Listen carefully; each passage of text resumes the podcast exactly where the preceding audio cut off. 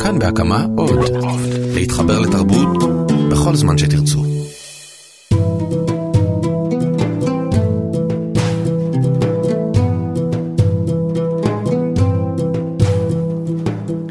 עצמו את העיניים ודמיינו את החופשה הבאה שלכם במלון הבא.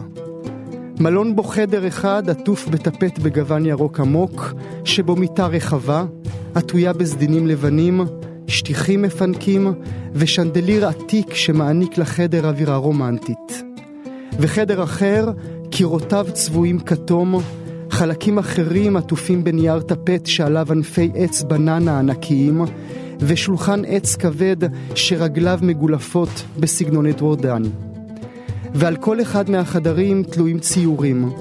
באחד תמונת נוף פסטורלית של עצים ונחל, ובאחר חייל ישראלי לבוש מדים ולוחם פלסטיני עטוי כפייה שמשתובבים במלחמת כריות. נשמע נפלא, לא?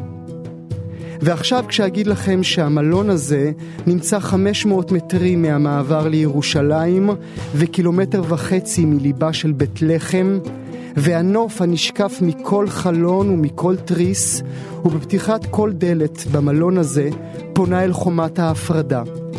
האם עדיין תחשקו בחופשה רומנטית בין כתליו?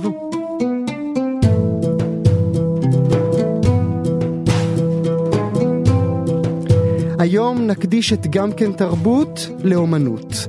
נשוחח עם ערן נוימן, מנכ"ל מוזיאון ישראל הנבחר, על בית הקיץ של גלריית סרפנטיין. נדבר עם האומנית חנן אבו חוסיין על מקומן של נשים במושג הבית. נשאל מדוע האדריכלים בישראל אינם חלק מהשיח הפוליטי, ונבחן מהן יצירות האומנות היקרות ביותר שנמכרו בהיסטוריה. אבל נתחיל עם בית המלון שלקחתי אתכם אליו בתחילת השידור, הוא אמיתי, והוא הוקם בדיוק בזמן לציון 100 שנים לתחילת המנדט הבריטי על פלסטינה. הוא נקרא Walled Off Hotel, שם שמחביא בתוכו כמובן דחקה על אה, מלון וולדורף הנודע, אבל הוא בעיקר נושא מסר של הסרת חומות. עיצב אותו ומימן אותו אחד מאמני הגרפיטי המוכרים בעולם, העונה לשם הבדיוני בנקסי. ונמצאת איתנו מיטל רז מ Time Out, שתיתן לנו קצת רקע, קצת היסטוריה על האמן הכה עלום הזה. שלום מיטל. היי גואל. אז אנחנו לא יודעים מי הוא. אה, לא. לא ידוע אה, מי הוא בנקסי, זה שם במה אה, שהוא נתן לעצמו בתחילת שנות התשעים, אה, ועד היום מנסים להבין מי זה, יש תיאוריות על מי זה יכול להיות. אה, התיאוריה האחרונה זה ש, שזה הסולן של מסיב אפק. אוי, זה יכול להיות נהדר. אה, אבל הוא טוען שזה לא הוא. לפי אה, הודעה שזה לא הוא. בין היתר, אחד ה... עוד תיאוריה שעלתה, שזה בעצם קולקטיב של אומני רחוב, שפועלים תחת השם הזה. אז הבנקסי הזה בעצם התחיל בבריסטול, נכון? כן, קצת קשה לדבר על רקע של, של אומן רחוב שעד היום הוא אנונימי ולא יודעים מי הוא. Uh, מה שכן יודעים זה שככל הנראה הוא נולד בשנת uh, אה, 1974 בבריסטול, uh, ועד סוף שנות ה-90 הוא פעל uh, בסצנה של, של אומנות הרחוב uh, בעיר הולדתו, אז עוד קראו לזה גרפיטי, אומנות, השם אומנות רחוב הגיע יותר מאוחר. Mm-hmm. בתחילת שנות התשעים הוא היה חלק מהסצנה שם של, ה, אה, של הגרפיטי. לקראת סוף שנות התשעים ותחילת שנות האלפיים הוא אימץ טכניקה אה, אה, שעד היום מזוהה איתו, אה, שקוראים לה טכניקה של סטנסילים, אה, שזה בעצם שבלונה שיוצרת אה, מראה של צלליות. הוא. לא המציא את זה, אה, למעשה היה אומן רחוב צרפתי שהשתמש בזה, ויש גם אומנית מאוד מפורסמת שקוראים לה קרה ווקר, ש... שעשתה את זה לפניו. אבל הוא קיבל את זה, הוא קיבל את זה, קיבל את הכבוד על זה, אבל בעצם הפריצה הגדולה שלו, אם אני לא טועה, הייתה עם השטרות שהוא שם עליהם את דמותה של הנסיכה דיאנה, שטרות כסף, שאנשים חשבו שהם אמיתיים וניסו לקנות איתם דברים. אני לדעתי, ההכרה שלו אה, התחילה לאט לאט, אה, כלומר היו כל מיני פעולות, אה, פעולות שהוא עשה הוא התחיל לעשות כל מיני פעולות גרילה בתחילת, בתחילת שנות האלפיים, הוא היה נכנס למוזיאונים, מוזיאונים גדולים כמו מומה בניו יורק, והטייט בלונדון, ופשוט היה מחדיר אליהם עבודות, או mm-hmm. עבודות שלו, או עבודות, של, או, או עבודות שהוא מצא בשוק. Mm-hmm. ולפעמים היה לוקח שעות עד שהעובדים של המוזיאון היו שמים לב, וככה לאט לאט התחילו, התחילו רחשים סביב השם שלו. הוא היה מצייר הרבה בלונדון, ציורי רחוב. אני לדעתי, הוא, הבום הגדול שלו הגיע אחרי שהוא היה דווקא ב- בישראל, בגדה המערבית, ב-2005. Mm-hmm. שנה מאוחר יותר הוא כשהוא היה... הגיע ב... בעצם, כשהוא הגיע בעצם לרמאללה וצייר על, על, על, על אותה גדר הפרדה ציורים שהעולם כולו פרסם. נכון, הוא צייר תשע ציורי קיר, הוא היה הראשון לצייר על, ה, על, קיר, על, על גדר ההפרדה. Mm-hmm.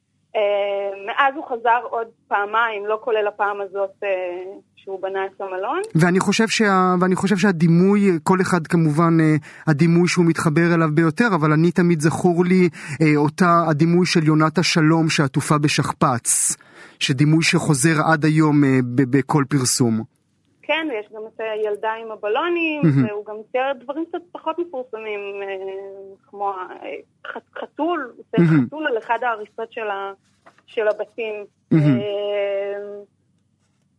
ולגבי הפריצה שלו, ב-2006 הייתה לו תערוכה בלוס אנג'לס, שהוא הצליח למשוך אליו כל מיני סלבריטאים, כמו אנג'לינה ג'ולי וברד פיט, שעד היום יש להם ביחד ובנפרד אוסף, אוסף אומנות מאוד גדול שלו. אני גם הייתי שמח, ואם את מדברת על תערוכה שלו, צריך לומר בישראל באפריל עומדת להיות תערוכה בארנה הרצליה, תערוכה של בנקסי. נכון. אני חושבת שהתערוכה יחד עם, עם, ה, עם המלון שהוא הקים די מאפיינת את, ה, את השניות בתפיסה שלו. בקהל הרחב מול... העבודות הפוליטיות יותר שלו. ומול מבקרי האומנות, mm-hmm. ש, שפחות אוהבים את בנקס. Mm-hmm. הם יכולים פחות לאהוב, העיקר שהוא ימכור במיליונים. הוא מוכר, הוא לא מוכר במיליונים. זה טעות שאנשים כנראה חושבים. יש לו עבודה אחת שהוא מכר, עבודה משותפת עם עוד סופרסטאר, עם דמיאן היר, שהוא מכר ב-1.8 מיליון דולר, mm-hmm. אבל מעבר לזה המחירים שלו נעים בסביבות החצי מיליון דולר, משהו כזה. Mm-hmm. לא עבר, עד אז זה לא עבר את ה... ולסיום, התערוכה הזו בארנה הרצליה תמשוך את הישראלים בעינייך? לדעתי כן, אבל צריך לזכור שזו לא באמת תערוכה של, של בנקסי, זו תערוכה של, שמארגן אותה המנהל שלו לשעבר. שהם כבר לא חברים. שהם כבר לא חברים, והוא אף טען שבנקסי לא יאהב את התערוכה הזאת. תערוכה אז, נודדת בכל העולם. אז זו סיבה מספיק טובה נוספת ללכת ולראות את התערוכה הזאת. נכון, אדוני. כנראה. מיטל רז מטיימאוט, תודה רבה שהיית איתנו. תודה גם לך. להתראות. זו הייתה מיטל רז, וצריך לומר שכל יחסי הציבור סביב ה-World of Hotel נעשה בעיקר מול התקשורת הבינלאומית, כמעט לא מול התקשורת הישראלית. אני יכול להגיד מצידי שאני זכיתי להתעלמות מצד המארגנים. האמת היא שבהתחשב בהיסטוריה של בנקסי אפשר בקלות היה לחשוב שההכרזה על הקמת המלון זה, זה סוג של תעלול שהמטרה שלו למשוך תשומת לב ציבורית למטרה שהוא מאמין בה, אבל תאמינו הדבר הזה באמת קיים, ואיתנו אלון לי גרין, פעיל חברתי ופוליטי, מנהל ארצי של תנועת עומדים ביחד, שהיה ממש במלון. שלום אלון לי. היי גואל, מה העניינים? היית שם. אה, כן. הוא קיים. יש, קיים, יש מלון, יש חדרים, יש מלון. יש מלון עם תשעה חדרים, כל אחד מהם מעוצב בצורה שונה ומאוד מאוד יפה. המלון ממוקם בלב בית לחם, ממש מתחת לחומת ההפרדה שישראל בנתה בעיר. כן, יש מלון.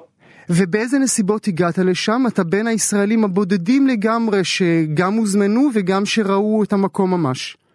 אמ, כן, האמת היא שההפקה אה, של, אה, של, של בנקסי והצוות הבינלאומי שלו, אה, שהגיעו לכאן בחודשים האחרונים בחשאיות כדי לבנות ולהכין את המלון, אמ, רצו שיהיו כמה ישראלים, אמ, לא מהתקשורת, לא מסצנת האומנות דווקא, אלא ישראלים שפעילים פוליטית, שהם עובדים ביום יום שלהם כדי לקדם את השלום ולסיים את הכיבוש, שיבואו, יראו, יתרשמו, ישוחחו עם הפלסטינים במקום. ינסו לחוות את החוויה הזו כדי שיוכלו להעביר אותה הלאה לישראלים אחרים בצורה לא מתווכת אה, ודרכם, ולאו דווקא דרך הזווית התקשורתית. ובצורה חשאית פנו אליך ואמרו לך, אה, תביא כמה חברים ובוא לפתיחה אה, הסגורה שלנו של המלון, תשבו יחד, תראו כמה יפה ותראו הופעה בווידאו של אלטון ג'ון. אלטון ג'ון. כן, האמת היא שזה היה שני אירועים נפרדים. האירוע הראשון היה ציור ממש מצומצם בשעות הראשונות של הפתיחה ביום אה, שישי. שם לא הייתה הופעה, אלא בעיקר אה, המנהל הפלסטיני במקום והצוות הבריטי של, של, שהגיע לארץ. שם עשינו באמת ציור, ציור, התרשמנו, ראינו, כתבנו על זה אחר כך בכמה עמודי פייסבוק ובכמה בלוגים כמו שיחה מקומית. אמ, ולמחרת, בשבת, היה איזשהו אירוע פתיחה שכלל בעיקר אורחים פלסטינים מהגדה המערבית, יחד עם, אה, עם אנשים שגם כבר כן הגיעו, אומנים ישראלים אה, מעטים, mm-hmm. היינו בערך 20 ומשהו ישראלים אה, גם. Mm-hmm. בערב השני. עכשיו, מה שמעניין, אתה יודע, כשאתה נכנס לאתר של בנקסי, אז הוא כותב שם מפורשות, אנחנו מציעים קבלת פנים חמה לישראלים. וזה קצת לא מסתדר לי עם חוסר הרצון לשיתוף פעולה עם הישראלים בכל מה שקשור ל, ל, לפתיחה של המלון הזה. אמ, תראה, יש פה הרבה שאלות שעולות מתוך, אה, מתוך הסיטואציה הדי מורכבת בסך הכל של אה, בית לחם באופן ספציפי, של הגדה המערבית.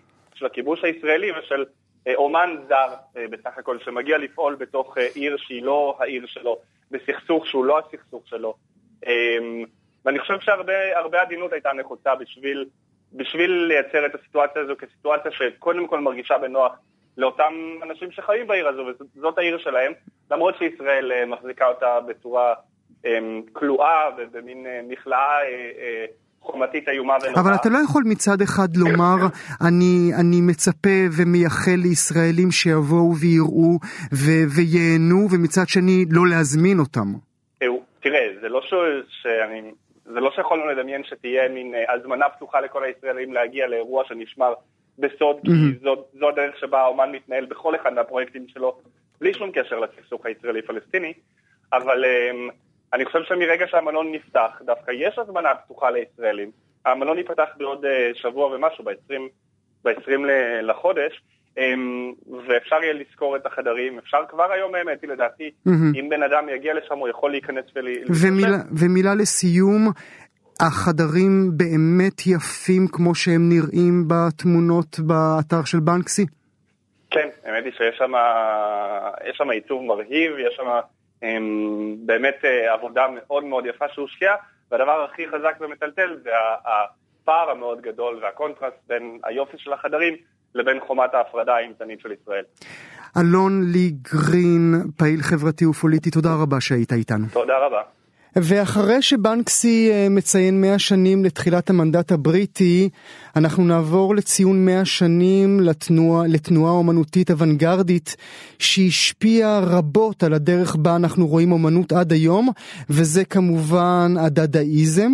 במוזיאון ישראל החלה מוצגת תערוכה חדשה שקוראים לה אין כמו בבית, מה שנכון נכון, אין כמו בבית, ויש בה כ-120 עבודות של אומנים שמשתמש, שמשתמשים בפריטים ביתיים שהוציאו אותם מהקונטקסט היומיומי שלהם והפכו אותם ליצירה שעומדת בפני עצמה.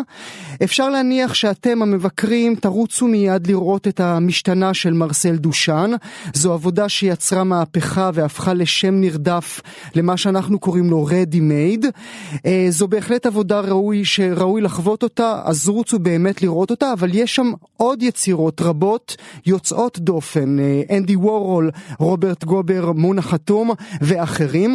אין בתערוכה הרבה, עובד, הרבה עבודות של אומנים ישראלים, אבל בין אלה שיש, לכו לראות את מה שחנן אבו חוסיין יצרה אה, לכבוד התערוכה הזו. זו יצירה של רצף של שש בלטות, על כל אחת מהן כתובה מילה. ביחד הן יוצרות את הכיתוב אני, אי, אישה, נקבה, זונה, כבוד. שלום לחנן אבו חוסיין. שלום וברכה. למה בלטות? אה, בלטות זה בית, בלטות זה בית ערבי, בית שנבנה בארץ, אה, עבודה ערבית, אה, ריצוף, בנייה, זה עבודה ערבית. אבל... זה אבל... בית, זה מקום שלנו, מקום של נשים, מקום שיוצרות נשים. וזה, וזו עבודה, עבודה שמוקדשת לא רק לנשים, אלא בעצם למעמדן של נשים, אה, אולי, אולי יאמרו ערביות, אבל אני מעדיף לומר כלליות בתוך הבית. אה, נכון, נכון, כל עבודה יכולה בית, אה, העבודה היא מדברת להרבה הדים, בעיקר להד הנשי, אבל כן אה, יכול להיות בגלל, בגלל הקילוגרפיה הערבית, אבל העבודה שלי כן מתייחסת לביקורת חריפה למעמד האישה ואלימות נגד נשים בבית, בתוך הבית, אה, ואונס נשים והתעללות מינית אה, נגד נשים, והעבודה שלי היא מאוד ביקורתית, היא לא מדברת על בית אה, שמרגישים המקום הכי בטוח שיש, אלא בית שבעצם הוא בית שמאיים, בית ש... אלים, שמתנגד, שמתייחס באלימות נגד נשים, ומתייחס לנשים אה, באלימות כלפיהן. ולכן העבודה שלי באה כ- אה, כפידבק למעשה נגד אלימות נגד נשים, ואנחנו בתור נשים תמיד אה, לא מעיזות להוציא את הכביסה המלוכלכת החוצה. כי אתן, כי אתן, אה, כי אתן מנקות את הבלטות כל הזמן. אנחנו מנקות את הבית, אבל עצם שאני מתייחסת לעבודת ריצוף, ריצוף זו עבודה גברית, אבל אנחנו משלימות את התמונה. אנחנו נשים, נשים שיש להן אה, חוזק, אנחנו צריכות להשלים את הבית היפה, אבל לא לתת ביקורת על הבית. מהמם. בית שאישה סובלת מאלימות, אנחנו בדור נשים, אסור לנו, אנחנו חייבות להיות, או מחנכות, מהמם. מחנכים אותנו מג- מ- מ- מגיל צעיר איך לשמור על בית יפה, מהמם. בית טוב. וכשאת, אישה טובה. וכשאת כותבת על הבלטות שלך, אני, היא, אישה, נקבה, זונה, כבוד, את בעצם צועקת נגד הבית הערבי. אני צועקת נגד אלימות בתוך הבית. אני צועקת נגד אה, התעללות נגד נשים בתוך הבית. אני אה, צועקת נגד החלטה פטריכלית גברית בתוך הבית. מהמם. כאילו, אישה היא לא מחליטה. מהמם. והביקורת שלי היא מאוד חריפה, וכשעשיתי בית, כי התייחסתי לר- לריצוף בלטות. כאילו, אני המרצפת, אני שאוספת בלטות, מהמם. אה, מתחת לבלטות שמים הרבה זבל. מתחת לבית יש הרבה זבל. ונשים לא מעיזות. ואת רוצה להוציא את, הלכלוך החוצה. עכשיו, זאת לא פעם, יש לך, יש לך יצירות נוספות, יש לך יצ- יצירה נוספת שאת קוראת לה וגינה. את לא, את לא בורחת, את לא מפחדת לשים את הדברים בפרצוף של האנשים.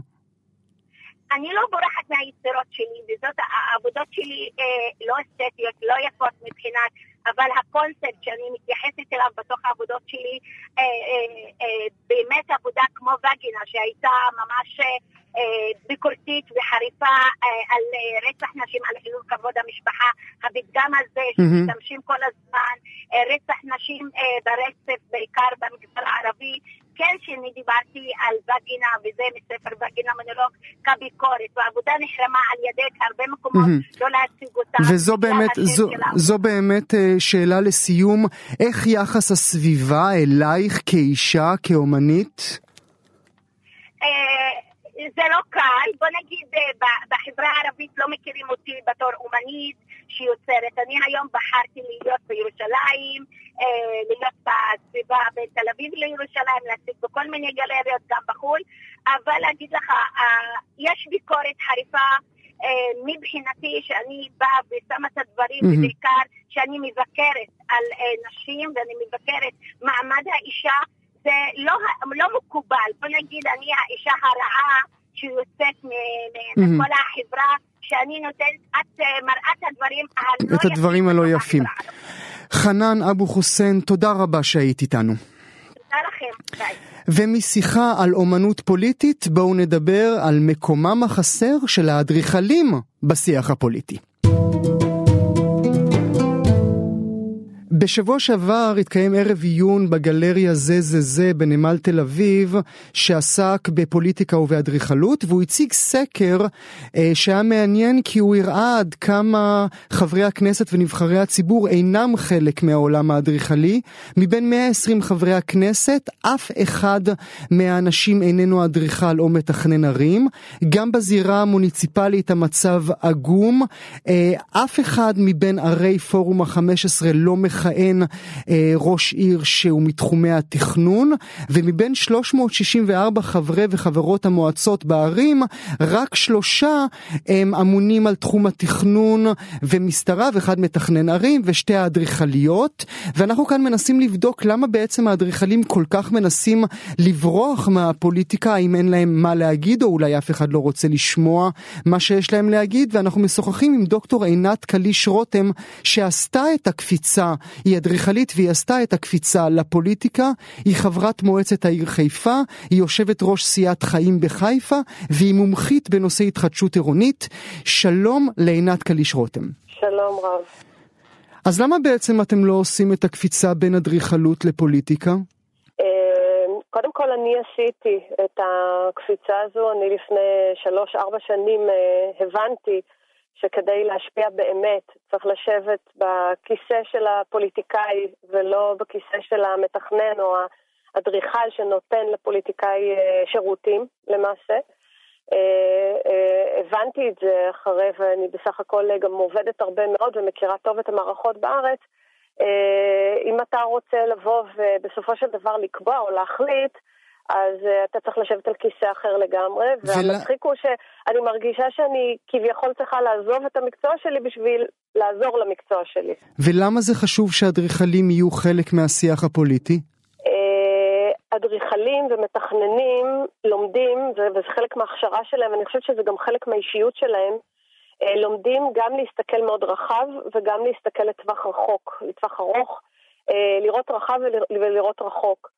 אה, והפוליטיקה מאוד אה, צריכה את זה, לא רק הפוליטיקה, אני חושבת שהמציאות בארץ שלנו צריכה אנשים שיש להם אה, ראייה רחוקה ורחבה. ואתם בעצם היום רק נותני שירות, נכון?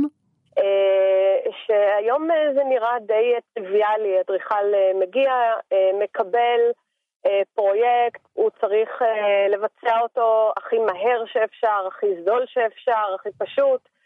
אה, ולא לשאול שאלות גדולות, לא לשאול שאלות קשות, לא להקשות על המערכת. בדרך כלל ההחלטות הגדולות נקבעות על ידי הפוליטיקאים. אה, להגיד איפה בהיסטוריה זה קרה, אני לא יודעת, אני כן יכולה לומר לך שמהיכרות שלי עם הרבה מאוד אדריכלים, הם לא רוצים בכלל להגיע למקום הזה של להיות ראש גדול, כי הם רוצים שיעבדו איתם, הם רוצים שיקחו אותם. אני מכירה כמה אדריכלים ו- ומתכננים שמתכננים תוכניות מתאר עצומות, ש... ו- ואני ככה חקרתי את העניין הזה, אה, לוקחים אותם, הם נבחרים בגלל שהם לא ראש גדול. Mm-hmm. הם מבצעים את מה שאומרים להם, הם לא מתווכחים, הם לא שואלים שאלות, הם לא מקשים, אה, ובגלל זה הם נחשבים אה, אדריכלים טובים. המערכת אוהבת אותם. וכשבתל אביב היה אה, מתכנן עיר שהיה לו פה גדול וכולם רצו לראיין אותו ונתנו לו כותרות ותוך שנה, אה, אה, זמן קצר מאוד העיפו אותו מהתפקיד, זה בגלל זה? אני בטוחה שזה לא הקל. המערכת אה, בסך הכל אוהבת, אני גם רואה הרבה מאוד אה, מהנדסי ערים, אדריכלי ערים, שהם אה, יודעים לשתוק אה, והם שותקים הרבה מאוד, הרבה פעמים. אה, אז אני מניחה שאדריכל או מהנדס עיר שהוא רעשן ושהוא אה, מתראיין ושיש לו דעה אישית שלו, אני בטוחה שזה לא מצא חן בין הרבה מאוד אנשים. אבל יכול להיות שזה גם הרבה מעבר. אה, אתה יודע, סיפורים הם הרבה פעמים בוודאי. הרבה יותר מורכבים ממה שנראה. בוודאי. כלפי חוץ, כן. דוקטור קליש רותם, תודה רבה שהיית איתנו. תודה רבה, גואל, תודה רבה. ומדוקטור קליש רותם שהתמחותה תכנון עירוני בר קיימא לאדריכל נוסף שהייתי רוצה שתשננו את השם, הוא לא קל, דיאבדו פרנסיס קרה.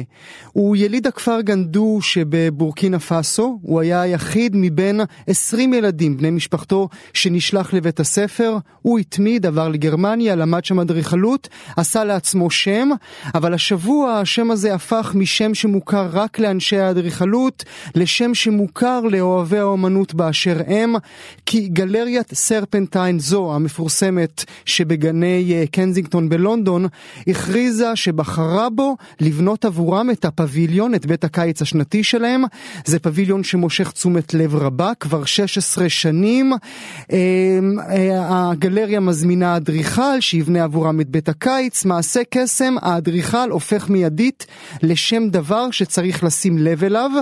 אה, כך במהלך השנים בנו עבורם את בית הקיץ אומנים ענקיים כמו זאהה חדיד, דניאל ליבסקינד, אוסקר נימייר ואחרים, ואיתנו ערן נוימן, עד לפני שנייה מנהל בית הספר לאדריכלות באוניברסיטת תל אביב, ועכשיו מנכ"ל מוזיאון ישראל, שישוחח איתנו עליו. שלום ערן. שלום וברכה. עדיין ראש בית ספר לאדריכלות באוניברסיטת תל אביב, ובמקביל נכנס לתפקיד בירושלים. גם וגם, וגם מתראיין עבורנו, ואנחנו שמחים על זה. אז תאמר לי, ערן, מה הביצה ומה התרנגולת? ההזמנה הופכת אותם לשם מוכר, או שהם היו שמות מוכרים כבר קודם? תראה, זה גם וגם, כי היו באמת uh, מקרים כמו אוסקר נימאייר וזעה חדיד וטויו איטו ואדריכלים רבים אחרים שהגיעו לשם, וסרפנטיין השתמשו בתהילה שלהם ובשם שלהם גם לקדם את הפרויקט הזה, את הפרויקט של הפביליון uh, מצד אחד, ומצד שני היו אדריכלים שהם יותר היו באמת ידועים לעולם האדריכלות, לאדריכלים, ש... בעקבות הפרויקט הזה. פרנסיס קרר אחד מהם. Mm-hmm. למרות שפרנסיס קרר באמת, כפי שאמרת, הוא באמת אדריכל אה, מאוד מעניין, והוא גם אדריכל שתופס תאוצה בזמן שהעולם כולו מתחיל להסתכל לאפריקה ולמה שקורה באפריקה, גם מבחינת אדריכלות וגם מבחינת אומנות. אה, אז זו הזמנה, אז זו הזמנה פוליטית, ערן? זה לא, פול... זה, זה, לא, זה לא פוליטית, אבל uh, באמת בתחום, אדריכלות זה תחום uh, שאין בה הרבה אדריכלים אפריקאים בולטים, אה, ולכן אה, כשיש בה אדריכל אפריקאי שהוא גם אדריכל מאוד מאוד מוכשר, אז אה, בוודאי שזה תופס תאוצה והזרקור, הוא מקבל זרקור מיוחד. ו- ו- ומי שבוחן את בית, את בית הקיץ, הפביליון שהוא בנה עבורם, הוא באמת הביא את אפריקה אל גני קנזינגטון. הוא בנה מין עץ כזה, העץ שהוא מספר שלמרגלותיו הוא למד. תראה, האדריכלות שלו היא אדריכלות מאוד חברתית. אם אתה רואה את הפרויקטים שהוא עושה באפריקה, א', הוא משתמש בחומרים מקומיים, חומרים זולים, כי אדריכלות בדרך כלל זה... לבנות בניין זה דבר מאוד יקר. אז הוא מוצא את הדרכים לעשות את זה בצורה זולה. חלק גדול מהפרויקטים שלו זה היו פרויקטי, פרויקטים של בתי ספר עבור הקהילה, באמת פרויקטים מאוד חברתיים, ו, והוא מצליח באמצעים מאוד אה, פשוטים לעשות דברים מאוד מאוד מרשימים. גם שהם יהיו מצד אחד פונקציונליים וגם שיהיו ככה מרוממי נפש. ואני חושב שמה שהוא עושה בסרפנטיין, אה, והוא מצליח לעשות, לשעתק את אותם רעיונות מאפריקה ללונדון, ואני חושב שזה עושה את זה בצורה מאוד מאוד יפה. ומה יש בבית הקיץ הזה? מה יש בפביליון הזה, שכבר 15 שנה אנחנו, אה, מי שמכיר, כן, אה, מחכה לראות על מי יכריזו ומה יבנו? מה זה הדבר הזה שהפך למין אות? תראה, הפביליון יש לו היסטוריה ארוכה. פביליונים התחילו במאה ה-19 בגנים האנגליים, בגלל זה זה גם מעניין שהסרפנטיין לוקחים את אותה מסורת אנגלית אה, ומשתמשים בה, אבל הם התחילו בגנים האנגליים בתור מין פביליונים שזורים בתוך פארקים, בתוך גנים, אה, כמין אקס-טריטוריה שבה אפשר לעשות את מה שאסור לעשות בתוך, בתוך המוזיאון עצמו, כן. בתוך המוזיאון, או אתה יודע, אפילו אפשר לתנות שם אהבים ולפרוח, אפשר לחשוב על הרבה סרטים בריטים שהיו בהם כל מיני התרחשויות כאלה שלא תמיד אה, תואמות את ההתנהגות הבריטית הנאותה. כן, הנאותה, ובפביליון זה מין אקס-טריטור ששם מותר לעשות דברים אחרים. אז זה כן בא מתוך מסורת ארוכת שנים של האדריכלות הבריטית. מה שקרה ב-15 שנים, 15-20 שנים האחרונות, בעקבות התפתחות של טכנולוגיות דיגיטליות, וזה שאפשר לעשות היום הרבה דברים בצורה מאוד מאוד פשוטה, דברים מאוד מורכבים, בצורה יחסית אה, זמינה ופשוטה מבחינה טכנולוגית, אה, החזיר את, ה, את, ה, את המושג. הזו- את Mhm. הטיפולוגיה הזאת, החזיר אותה למרכז הבמה. כי בניגוד לבניין, אדריכלים וסטודנטים לאדריכלות שצריכים להתמודד עם ולנסות ליישם משהו, בניין זה נורא מסובך, אבל פביליון זה מבנה קטן, הוא יכול להיות זול, יש את הטכנולוגיה לעשות דברים שהם נחמדים, סקסיים כאלה. וזהו, אפשר להשתגע, אפשר לצאת מהקווים, אפשר לבנות את מה שחלמת עליו תמיד כסטודנט. נכון, אז אפשר, אז הם עושים את זה. אגב, אנחנו בבית ספר לאדריכלות באוניברסיטת תל אביב, אנחנו כל שנה מקימים פביליון כזה במסגרת ארוחת הבוגרים שלנו, ועושים דברים שהם מאוד נחמדים והם והם- וב- והם מאוד, מאוד, מאוד מיידיים, שאפשר לעשות גם טסט. הפביליון הופך להיות איזה אה, זירה או מקום שאפשר לעשות בו טסטים לרעיונות שהם רעיונות אה, אחרים, לבחון שם כל מיני רעיונות שאחרי זה אפשר אולי ליישם אותם גם בבניינים מלאים. ובהקשר הזה, שאלה לסיום, אי אפשר בלי השאלה הפרובינציאלית. יש סיכוי אי פעם שאנחנו נשמע שאדריכל ישראלי הוזמן, הוזמן להקים, לבנות את הפביליון של, ה, של הסרפנטיין? אה, אני מאוד מאוד מקווה. יש פה אדריכלים מאוד מאוד מוכשרים בישראל. רוצה להמר אה, ככה כדי שאני אאמת אותך עוד 20 שנה? תראה, בוא נגיד, אני אתן לך דוגמה אחת של מישהו שכבר יישם את זה. חיים דותן, שבנה את הפביליון, הישראלי אה, בשנגחאי, באקספו שהיה בשנת אה, 2010, מאז בנה את הגשר המפורסם, גשר הזכוכית שנמצא בין שני צוקים של שני ערים בשנגחאי. וכמה זה יפה, וכמה זה יפה באמת. ערן נוימן, מנכ"ל מוזיאון ישראל, אה, מילה לסיום, אתה מתרגש? אתה כולך מלא עבודה לכבוד העבודה במוזיאון? כן, תשמע, נכנס למקום מסעיר ומרתק, ושווה לקחת אותו הלאה. מחזיקים לך אצבעות, תודה רבה שהיית איתנו. תודה, יום טוב. לאורך התוכנית כולה אנחנו עברנו בשיחות שנעו בין אומנות, כישרון ומעמד. בואו נסיים את התוכנית בשיחה על כסף. כי בקושי שבוע עבר מאז גינת פרחים, הציור המרהיב של גוסטב קלימט מ-1907, נמכר במכירה פומבית של סותביז במחיר זעום של, אה, תחזיקו חזק, 60 מיליון דולר. קלימט האוסטרי הוא צייר אהוב על בעלי ההון, ציורים שלו תמיד נמכרו במחירים אסטרונומיים. כמובן שכולכם זוכרים את דיוקנה של אדל בלוך באואר, שיש לו שתי גרסאות, האחת נמכר ב-87 מיליון דולר, השני, זה שאתם מכירים יותר, ההוא הצבוע זהב, נמכר ב-130 מיליון דולר. אז מי הם האומנים הנמכרים ביותר? למה דווקא הם? נמצא איתנו עמיתי חזן, כרוז ומנהל בית המכירות תירוש. שלום עמיתי. שלום לך. אז תשמע, אני מבין קפיטליזם, אני מבין היצע וביקוש, אני גם מבין את האגו של בני האדם, אבל האם העבודות הנמכרות ביותר אה, הן גם הטובות ביותר? אה, שאלה טובה. אני חושב שאין ספק שמבחינה היסטורית לא סתם אה, עבודות אה, מגיעות למחירים אה, אסטרונומיים. הרי גם לקלימט יש עבודות שנמכרות אה, רק במיליון דולר, וגם לפיקאסו יש עבודות שנמכרות במיליונים בודדים ואף אה, פחות מזה. אה, העבודות שבאמת זוכות אה, להימכר במחירים אסטרונומיים הן אה, עבודות שהן נדירות, גם כמובן, אה, כל מה שחשוב זה מי האמן שמצייר, מהמם. אבל כשלוקחים בחשבון גם את האמן וגם את התקופה שבה הוא עשה, לפרמטרים האלה יש משמעות, ולכן יש עבודות, יכולה להיות עבודה באותו גודל מתקופה אחת שתימכר באמת ב-100 מיליון דולר, ועבודה אחרת שהיא פחות חשובה ויש יותר גרסאות של העבודה הזו ויותר דוגמאות דומות, והיא תימכר רק ב-20 מיליון דולר. אני מודה, כשבחנתי את הרשימה המפורסמת אה, אה, שקשורה למחירים ששילמו אנשים על יצירות אומנות, אני מודה שהופתעתי כשראיתי שלוסיאן פרויד עם הציור המשולש שלו, את פרנסיס בייקון, נמצא במקום השלישי עם מכירה של 140 מיליון דולר. נכון. זה הפתיע בזמנו גם את הבתי מכירות. אה, באמת האמנים אה, היותר, אה, אה, בוא נאמר, מוכרים ופחות מפתיעים שנמצאים ברשימה הם אמנים כמו פיקאסו וואן גוך ומודליאני שהם אמנים יותר קלאסיים, אבל בשנים האחרונות רואים בהחלט מעבר של הקונים מאומנות הקלאסית והאומנות האימפרסיוניסטית לאומנות מודרנית ואומנות עכשווית, ודברים שפעם היו נראים הזויים, שאמן חי שעוד יוצר, כמו דמיאן הרסט או ג'ף קונס, יקבלו סכומים של 2-3 מיליון דולר, היום עבודות של אותם אמנים במכירות פומביות מגיעות ל-40 ו-50 מיליון דולר, Mhm. שוב, אמנים שחיים ועוד יוצרים, אה, זה נראה, זה דבר מדהים. אה, כמעט אבסורדי. אבל עדיין, זו למרות. הכל, עדיין בראש הרשימה אה, פול סזן עם משחקי הקלפים 250 מיליון דולר על היצירה הזאת. נכון, אז תראה, פה צריך לעשות הבחנה, דרך אגב, בין אה, יצירות שנמכרות במכירות פרטיות, כמו היצירה הזו של פול סזן, אה, שאגב, יש דיווחים מאז שכבר יש עבודה של פול גוגן, שנמכרה ב-300 מיליון דולר. זאת אומרת, אם זה אכן נכון, אז היצירה של פול סזן היא כבר לא היצירה הכי יקרה.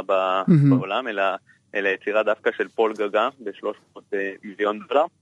אבל שוב, מה שאני אומר, זה צריך לעשות בין אותן עבודות שנמכרות במכירות פר- פרטיות, ואין על זה פרוטוקול, אתה לא יודע כמה באמת... זאת אומרת, חבורת, חבורת עשירים אה, מדובאי שיושבת ומוכרת אחת, לעצ... אחת לשנייה את, ה... את מה שיש להם בבית? המערב, המערב בדרך כלל, אה, זה מוכרים מהמערב שבדרך כלל מוכרים, והקונים הם בדרך כלל באמת, כמו שציינת, או מדובאי, ואגב לאו דווקא סתם אה, עשירים, אלא בהרבה פעמים מוסדות ממשלתיים, שהתיאורים האלה נועדו בשביל לחזק את המוזיאונים המקומיים Mhm. שעכשיו נבנים, אה, ולפי כל הדוחות האחרונים, אה, הקונים הגדולים של שוק האומנות בשנתיים שלוש האחרונות הם דווקא הסינים, שפשוט מרעידים את השוק, ואותו אגב אה, ציור של אה, גוסטב קלים שדיברת עליו, שנמכר בזמנו ב-87 מיליון דולר, עכשיו, אה, אגב, הוא נקנה על ידי אופרה ווינפרי, המנחה המפורסמת. היא עכשיו מכרה אותו, לפי דיווחים שבוע שעבר, ב-150 מיליון דולר לקונה סיני. כלומר, קנתה לפני עשר שנים בפחות מ-90 מיליון דולר, עכשיו מכרה אותו ב-150 מדהים. מיליון דולר לקונה סיני. מה היצירה הישראלית שנמכרה במחיר הגבוה ביותר? עכשיו אנחנו מדברים על פרופורציות אחרות לחלוטין. לצערנו עדיין אין אף אמן ישראלי שעבר את רף המיליון דולר.